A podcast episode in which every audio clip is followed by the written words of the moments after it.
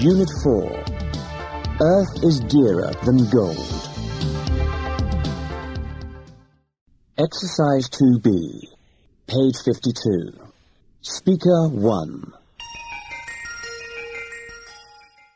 Solar power is safe and clean, does not pollute the environment, and it is a very powerful, cheap, renewable resource. Solar power has always given us light and heat, but now, thanks to solar technology, we are finding ways to store this power and use it as an alternative source of energy. Solar energy can be turned into electricity and used to run small gadgets like calculators. It is also used to heat water and to heat and cool factories, warehouses, and other large buildings.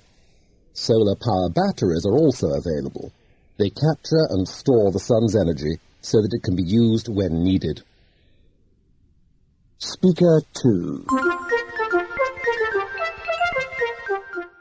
We have been using windmills for hundreds of years to pump water, so this form of energy is nothing new. However, today we are using wind turbines to turn this energy into electricity. The wind turbines have large blades which catch the wind. These blades are connected to a generator which produces electricity.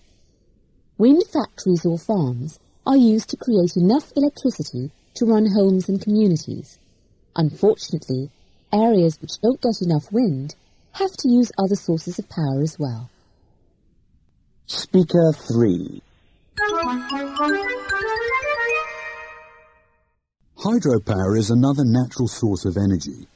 Fast-moving streams or rivers have been used for hundreds of years to power grain and sawmills. Now they are used to create electricity. They can even create electricity for whole cities. By building dams across bodies of water, we can redirect the flow through hydroelectric plants. Some hydroelectric power plants can even store the power to be used later. Hydropower is a safe and natural way to produce electricity as long as care is taken not to flood the surrounding areas or interfere too much with the natural flow of the water. Exercise 5, page 54. Now it's time for Did You Know? Today, all our interesting facts are about our own planet, the Earth. OK, here we go. Did you know that the Earth is the fifth biggest planet in our solar system? It has a circumference of 40,000 kilometres and a diameter of about 12,760 kilometres, although this changes depending on where you are, because the Earth isn't perfectly round. Did you know that from outer space the Earth looks blue because of all its water? 70% of our planet's surface area is covered by seas and oceans. 97% of the world's water is salt water, and only 1% is good enough for us to drink. OK, now let's read some viewers' letters and see how much you know about the Earth. Here's one from Sarah Brown in Bolton, who says, Did you know that the highest point on Earth is the top of Mount Everest at 8,848 metres above sea level? Well done, Sarah. That's very interesting. Do you know what the lowest point is, though? Well, Ryan Jones from Leeds does. He tells us that it's the Dead Sea, which is 400 metres below sea level. Thank you, Ryan. Sarah and Ryan will both receive a Did You Know pen. Now it's time for this week's competition.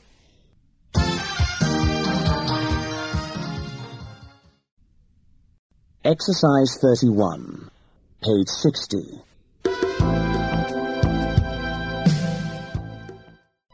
Sandra, did you hear the smog alert on the news this morning? No. What did it say? That people with breathing difficulties should stay indoors all day today. Oh, dear. You know, the air used to be so clean here on the island. That's why I moved here. Yes, me too. Ever since they built that factory over on the east coast, the air we breathe has been getting dirtier and dirtier. Yesterday it was pumping out enormous clouds of thick grey smoke, so I'm not surprised there's a smog warning today. It's more than just the factories, though. I think we're all partly to blame. We all drive when we could walk or even catch the bus. And the tourists coming to the island don't help either. What do you mean, Janet? Well, you know, they all bring their cars across or hire them here, and that doesn't help the situation at all. It's not just the air pollution, though. It seems that the whole island is becoming one big environmental disaster. You're right there, Sandra. Whenever I go to the beach or take a walk in the countryside, I see rubbish wherever I go. I really don't know why people have to dump their rubbish in such beautiful areas. It makes me really mad. I know what you mean, Bill. I saw someone throwing some litter out of the window of their car as they were driving past. I shouted after them, but they didn't take any notice of me. I pick up rubbish when I see it, and I try to recycle it when I can, but it's just not enough to make a difference. And on top of everything, there are more trees being cut down every day.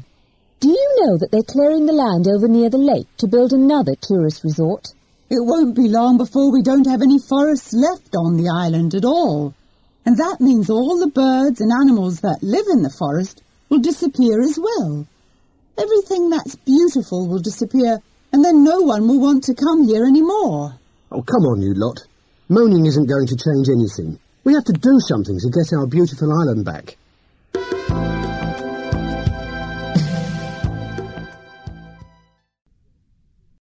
Exercise 33, page 60.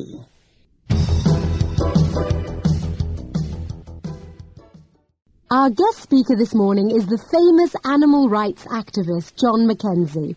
He is here today to discuss the growing problem of our endangered animals. Welcome to the show, John, and thanks for joining us today. Hello, Fran. Thanks for inviting me onto the programme.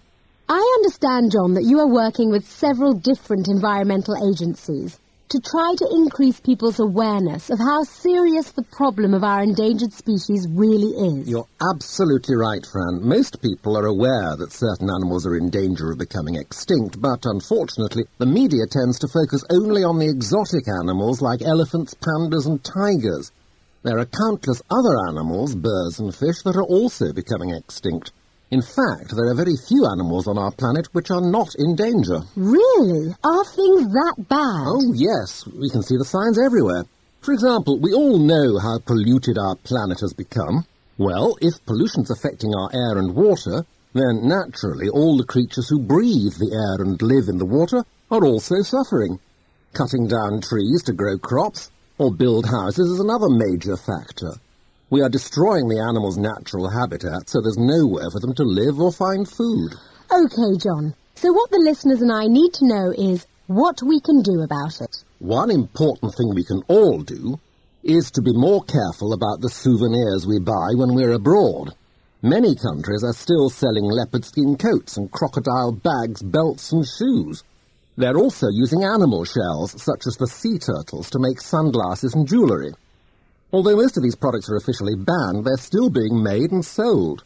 But if we stop buying these products, they will have to stop killing animals to produce them. What about at home? Is there anything we can do in our own neighbourhoods? There most definitely is, Fran. First of all, we can try to clean up our environment. The less pollution we produce, the more chance animals have of surviving.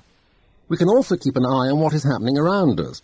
It's illegal to hunt or kill many animals in the UK, so if you notice anyone breaking these laws, you must report them to the authorities.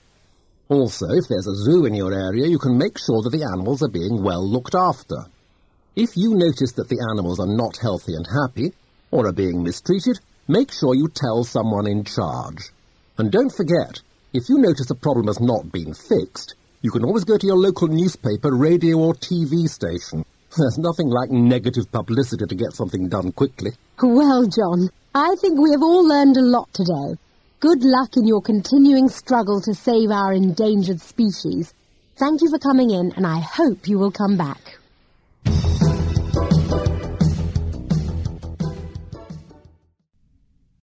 Exercise 35, page 60. Speaker 1.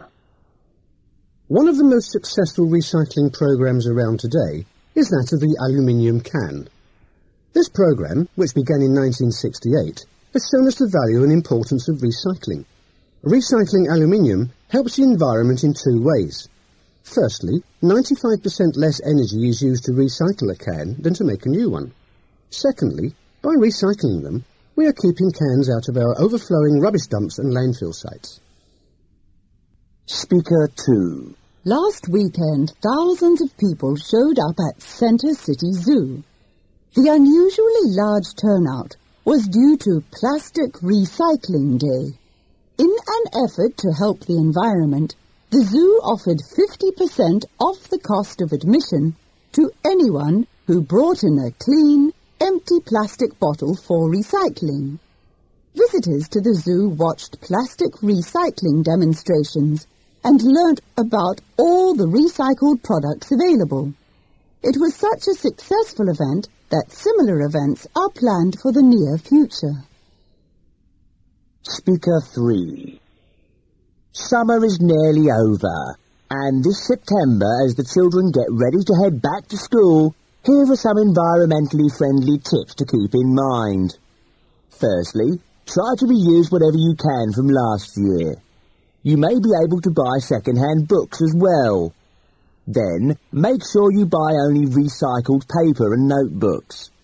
If you really must buy something new, make sure it's something that can be used again next year, and the next. Speaker 4 a UK-based charity has found a way to use cardboard recycling to help adults with learning disabilities. The scheme involves a shop called Scrap for Play, where shredded cardboard is made into bedding for horses and farm animals. The trainees are sent to pick up the used cardboard from local businesses and taught how to use the shredding machine. The shredded cardboard is then sold to local farmers, who use it to make warm bedding for their animals.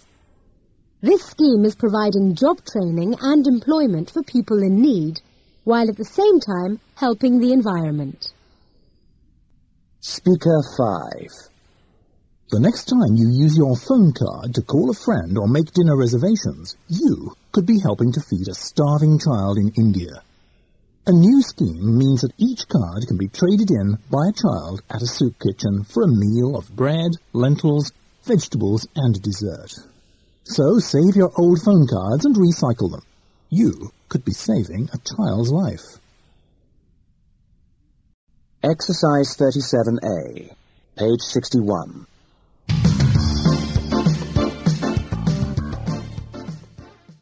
I can't believe how much traffic there is on the roads these days. Oh no! It took me two hours to drive into the city centre today. You know, I've just had a brilliant idea. Have you thought about starting a carpool? That's a great idea.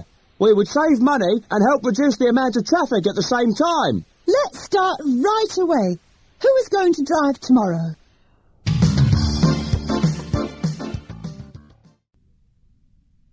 Exercise 38A, page 61. John, could I have a word with you, please? Sure, Linda. What's up? Well, I was wondering if you could do something about all that rubbish in front of your house. Oh, right, yes. I've been meaning to do something about it, but I keep forgetting. I would appreciate it if you could sort it out as soon as possible, please. Yes, you're right. I'll get right on it. Exercise 39A, page 61. 1. Are you busy tonight, Bob? Let me see. Mm, I don't think so. Why? 2. Shall we go out next Saturday? Oh, well, I don't know. Three. Have you made up your mind yet? Hmm, but I'm not sure about it. Exercise 40, page 61.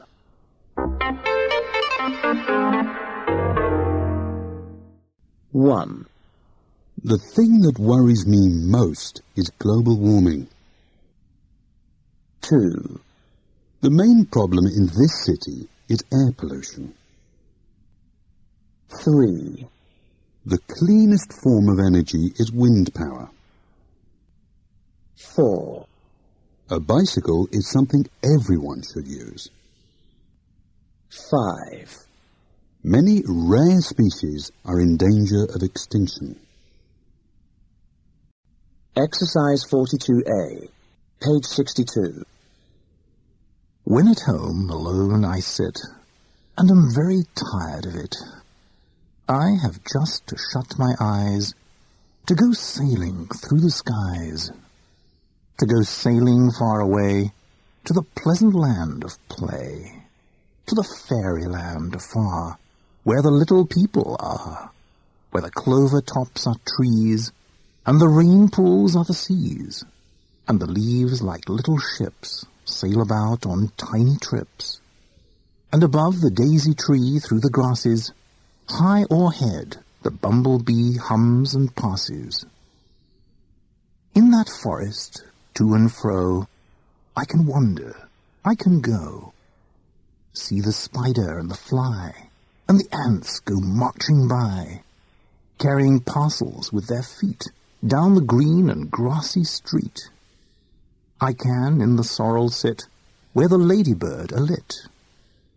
I can climb the jointed grass and on high see the greater swallows pass in the sky and the round sun rolling by, heeding no such things as I. Through that forest I can pass till, as in a looking glass, humming fly and daisy tree, and my tiny self I see, painted very clear and neat, on the rain pool at my feet. Should a leaflet come to land, drifting near to where I stand, straight I'll board that tiny boat, round the rain pool sea to float. Little thoughtful creatures sit on the grassy coasts of it. Little things with lovely eyes see me sailing with surprise. Some are clad in armour green, these had sure to battle been. Some are pied with every hue, black and crimson, gold and blue. Some have wings and swift are gone, but they all look kindly on when my eyes I once again open and see all things plain, high bare walls, great bare floor, great big knobs on drawer and door, great big people perched on chairs, stitching tucks and mending tears, each a hill that I could climb, and talking nonsense all the time. Oh dear me, that I could be a sailor on the rain pool sea, a climber in the clover tree, and just come back a sleepy head, late at night to go to bed. Exercise 8, page 67.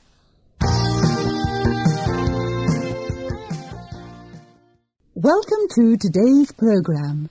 Today we have as our guest Mr. Dan Singer, who began the Act Now group.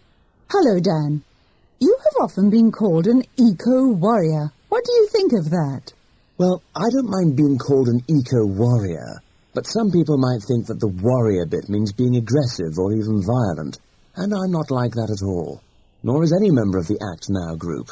Some people think that the time you ripped up pavements was quite aggressive, though. What was that all about? What we did was dig up a street and plant flowers there. We did it to prove a point, that we're not going to put up with living in a concrete jungle with no trees or flowers. Humans are only part of the greater system of things. It's about time people stopped being selfish and realized that it's not just about now, I mean the present. It's also about the future. What will our children have left to enjoy if we take away nature's beauty? So the term eco-warrior comes from these views and actions. I suppose people give it different meanings, but from my point of view, you can call me an eco-warrior if it means someone who loves and respects nature and the environment. The warrior bit is about fighting to protect it. One of your main concerns is obviously the environment, but what exactly does ACT NOW do? OK, let's take it from the start. We want to balance the relationship between people and their natural environment. At ACT NOW, we believe in working together as a community. We provide people with information and try to educate them about environmental issues like endangered species and the use of toxic fertilizers and pesticides. As our name suggests, we then show people that they can join us and act now to prevent the destruction of our planet. So how do you protect the environment? I mean, what are some of your projects? We organise protests against whatever we consider to be harmful to the environment.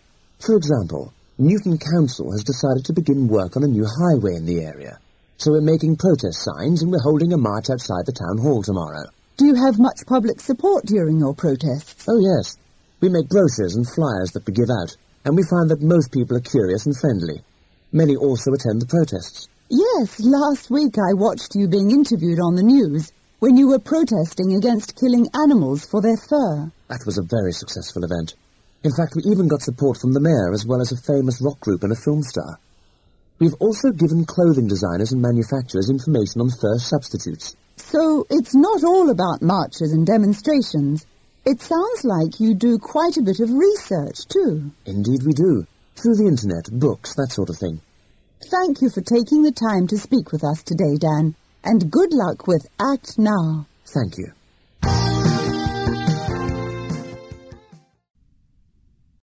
Exercise 12, page 69. Save Our Planet.